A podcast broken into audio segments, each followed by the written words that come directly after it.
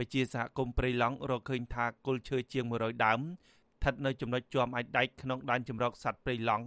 ត្រូវបានកម្មករក្រុមហ៊ុន PNT កាប់ផ្ដួលយកដើមធ្វើអាជីវកម្មអស់រយៈពេលជាង3សប្តាហ៍ចុងក្រោយនេះគល់ឈើទាំងនេះភ ieck ច្រើនគឺជាដើមឈើទាល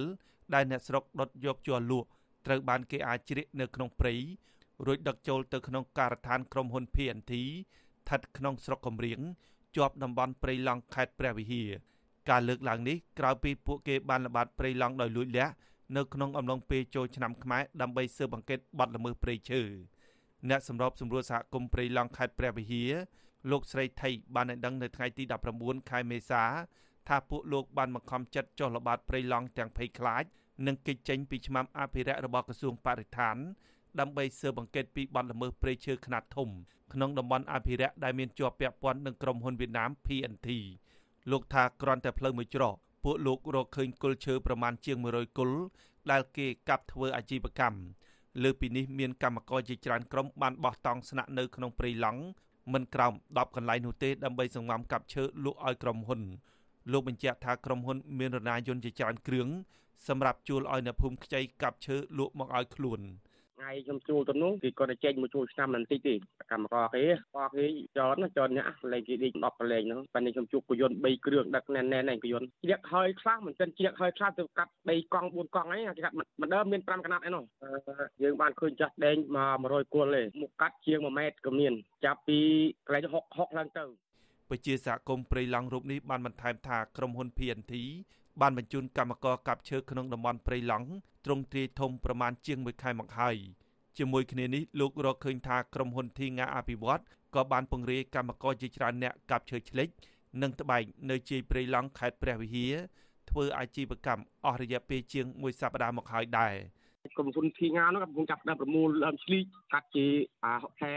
តាប់4ជ្រុង4ជ្រុងថាគេអោយអ្នកស្រុកកាប់គេអ្នកទទួលទិញតែមួយជ្រុងទេខ្ញុំតែបានតែមួយជ្រុងទេអត់បានដើរសពអស់មកព្រៃទៅទេនៅឡើយទេបើសិនដល់អស់មកពេលទៀតអាចឃើញច្រើនពេលគេដាក់ទៅជាព្រៃអភិរក្សហើយគាត់តែអ្នកណាចូលមិនបានក៏ប៉ុន្តែនេះបាត់ល្មើគេចូលហើយក្រុមដែលអ្នកស្រឡាញ់ធនធានធម្មជាតិពិតប្រកបដែលគាត់លះបង់ពេលវេលាទាំងកម្លាំងកាយចិត្តនិងសម្ភារៈអីនោះផងគឺទៅជាបានហាមឃាត់កាលពីថ្ងៃទី14ដល់ថ្ងៃទី16មេសា ប្រជាសហគមន៍ព្រៃឡង់ប្រមាណ4នាក់បានជិះម៉ូតូល្បាតព្រៃនៅចំណុចជាប់ឯដែកក្នុងដែនជម្រកសត្វព្រៃឡង់ប្រទះឃើញឈើធំធំ ប្រភេទឈើទាល ត្បែងប្លង់បាដៀកនិងផ្ចឹកត្រូវបានគេអាចជ្រៀកជាជ្រុងនៅក្នុងព្រៃដឹកទៅបាត់លើសពីនេះមានតំបន់ខ្លះទៀតក៏សម្បូរទៅដោយបទល្មើសព្រៃឈើដែររួមមានចំណុចក្បាលដំរី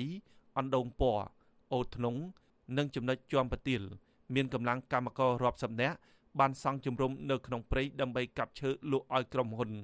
ក្រុមហ៊ុន PNT ទទួលបានដីសម្បត្តិសេដ្ឋកិច្ចពីរដ្ឋាភិបាល ទំហំជាង8000ហិកតា នៅស្រុករវៀងខេត្តព្រះវិហារកាលពីឆ្នាំ2010ក្រោមកិច្ចសន្យារយៈពេល70ឆ្នាំរីឯក្រុមហ៊ុនធីងាអភិវឌ្ឍទទួលសិទ្ធិវិនិយោគដីសម្បត្តិសេដ្ឋកិច្ចជាង6000ហិកតាស្ថិតនៅក្នុងឃុំរៀបរយស្រុករវៀងខេត្តព្រះវិហារកាលពីឆ្នាំ2008 ក្រុមហ៊ុនទាំងនេះវិនិយោគដំណាំអាកាសយ៉ានិងកសិឧស្សាហកម្មផ្សេងទៀតប៉ុន្តែរហូតមកដល់ពេលនេះសហគមន៍ព្រៃឡង់រកឃើញថាក្រុមហ៊ុនទាំងពីរនេះមិនឃើញអភិវឌ្ឍនិងដំណាំអ្វីជាដុំកំភួននោះទេគឺផ្ដោតទៅលើការកាប់ឈើធ្វើអាជីវកម្មជាបន្តបន្ទាប់ជាច្រើនឆ្នាំមកហើយអាស៊ីសេរីបានព្យាយាមតាក់ទងទៅក្រុមហ៊ុន PNT តាមរយៈទូរស័ព្ទនៅក្នុងគេហទំព័រសាជីវកម្មតែអ្នកលើកទូរស័ព្ទនិយាយថាគាត់ជាជនជាតិចិនតៃវ៉ាន់ មិនបកស្រាយចំពោះការចោទប្រកាន់នេះទេដោយលោករុញទៅឲ្យសួរតំណាងក្រុមហ៊ុនវិញចំណែកក្រុមហ៊ុនធីងាអភិវឌ្ឍក៏អាស៊ីសេរីមិនអាចតាក់ទងបានដែរប៉ុន្តែកន្លងទៅតំណាងក្រុមហ៊ុននេះគឺមេធាវីហេងសុធិរាបដិសេធថាក្រុមហ៊ុនរបស់លោកពុំបានកាប់ឈើនិងដឹកជញ្ជូនឈើទៅលក់ខុសច្បាប់ស្ថិតនៅក្នុងខេត្តព្រះវិហារនោះទេអ្នកនាំពាក្យគណៈកម្មាធិការជាតិទប់ស្កាត់និងបង្ក្រាបបទល្មើសព្រៃឈើលោកអេងហ៊ីមានប្រសាសន៍ថាគណៈកម្មាធិការជំនាញថ្នាក់ខេត្ត និងអាជ្ញាធរពាក់ព័ន្ធកំពុងពិនិត្យនិងស៊ើបអង្កេតក្រុមហ៊ុនទាំងនេះក៏ប៉ុន្តែលោកបដិសេធបង្ហាញលទ្ធផលនៃការបង្ក្រាបលោកថាគណៈកម្មាធិការជំនាញនៅតែបន្តយុទ្ធនាការបង្ក្រាបបទល្មើសព្រៃឈើហើយបើរកឃើញថាក្រុមហ៊ុនណាមួយមានពាក់ព័ន្ធសកម្មភាពកាប់ឈើខុសច្បាប់ និងប្រឈមនឹងការអនុវត្តច្បាប់ជាធរមានគ្រប់បុគ្គលគ្រប់ក្រុមហ៊ុនឲ្យតែមានបទល្មើសក្រាបទាំងអស់ហ្នឹងឲ្យតែខុសច្បាប់ ហើយជំងឺ Covid ជារឿង Covid បត់ល្មើសគឺជាបត់ល្មើសខ្ញុំមិនអាចឆ្លើយបានទេដោយសារអាជ្ញាធរគេកំពុងធ្វើការជុំវិញរឿងនេះមន្ត្រីពង្រឹងសិទ្ធិអំណាចសហគមន៍មូលដ្ឋាន នៃសមាគមអាត់ហុកលោកប៉ែនមណាផ្ដាំទៅសហគមន៍ព្រៃឡង់ត្រូវក្លាហានឲ្យដាក់ពាក្យប្តឹងអាជ្ញាធរណាដែលមិនអើពើបង្ក្រាបបទល្មើសព្រៃឈើទៅតុលាការដើម្បីអនុវត្តតាមច្បាប់លោកសង្កេតឃើញថាអាជ្ញាធរហាក់មិនយកចិត្តទុកដាក់ដោះស្រាយពីក្តីកង្វល់របស់ពលរដ្ឋ និងសេចក្តីរាយការណ៍ទាំងឡាយរបស់សហគមន៍នោះទេប្រការនេះលោកថាការចោទប្រកាន់រឿងបទល្មើសព្រៃឈើនៅតែកើតមានគ្មានទីបញ្ចប់។រួមគ្នាដាក់បណ្ដឹងនឹងទៅបរិហាបានជ្រឿនដើម្បីធ្វើបាច់ជំរុញផ្លូវច្បាប់នៅក្នុងពេលដែលរដ្ឋមន្ត្រីក្រសួងយុទ្ធភ័ពលោកថានឹងធ្វើការកែតម្រង់អញ្ចឹងវានៅខ្វះមួយអ្នករុញអ្នករុញឲ្យឲ្យបណ្ដឹងឲ្យបានជ្រឿនដើម្បីឲ្យរដ្ឋមន្ត្រីក្រសួងយុទ្ធភ័ពលោកប្រើកែតម្រង់ឲ្យបានប្រសិទ្ធភាពហើយឲ្យស្អាតស្អំហើយយុត្តិធម៌បាទ ពជាសហគមន៍ព្រៃឡង់រកឃើញថាក្នុងបរិវេណដីក្រុមហ៊ុន PNT និងក្រុមហ៊ុន Thi Nga អភិវឌ្ឍពុំមានឈើធំធំសម្រាប់ធ្វើអាជីវកម្មទេមានតែឈើដែលដឹកចេញទៅខាងក្រៅតែប៉ុណ្ណោះក្រុមហ៊ុនទាំងនេះមានម្ចាស់ភាគហ៊ុនជាជនជាតិវៀតណាមកាលពីចុងឆ្នាំ2020ប្រជាសហគមន៍ព្រៃឡង់ប្រទះឃើញឈើមូលធំធំ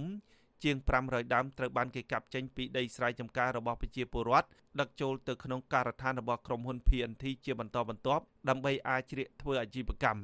ប្រជាសហគមន៍និងពលរដ្ឋអះអាងថាក្រុមហ៊ុន មានម៉ាស៊ីនអាចជ្រៀកឈើខ្នាតធំចំនួន4គ្រឿងនិងមានរថយន្តកែច្នៃចំនួនជិត10គ្រឿងសម្រាប់ដឹកឈើធ្វើអាជីវកម្មអង្គការជាតិនិងអន្តរជាតិរកឃើញថាក្នុងរយៈពេល20ឆ្នាំចុងក្រោយនេះ ទំហំព្រៃឡង់ប្រមាណជាង1សែនហិកតាស្មើនឹង24%ត្រូវបានបាត់បង់คล้ายជាវារហោឋាន បន្ថែមលើពីនេះគិតត្រឹមឆ្នាំ2019ព្រៃឡង់ទំហំជាង60000ហិកតាត្រូវបានបំផ្លែងទៅជាដីចម្ការដំណាំហើយមានផ្ទៃដីតែជាង1000ហិកតាប៉ុណ្ណោះត្រូវបានដាំដុះជាកូនឈើឡើងវិញខ្ញុំបាទហេងរស្មី អាស៊ីសេរីពីរដ្ឋធានី Washington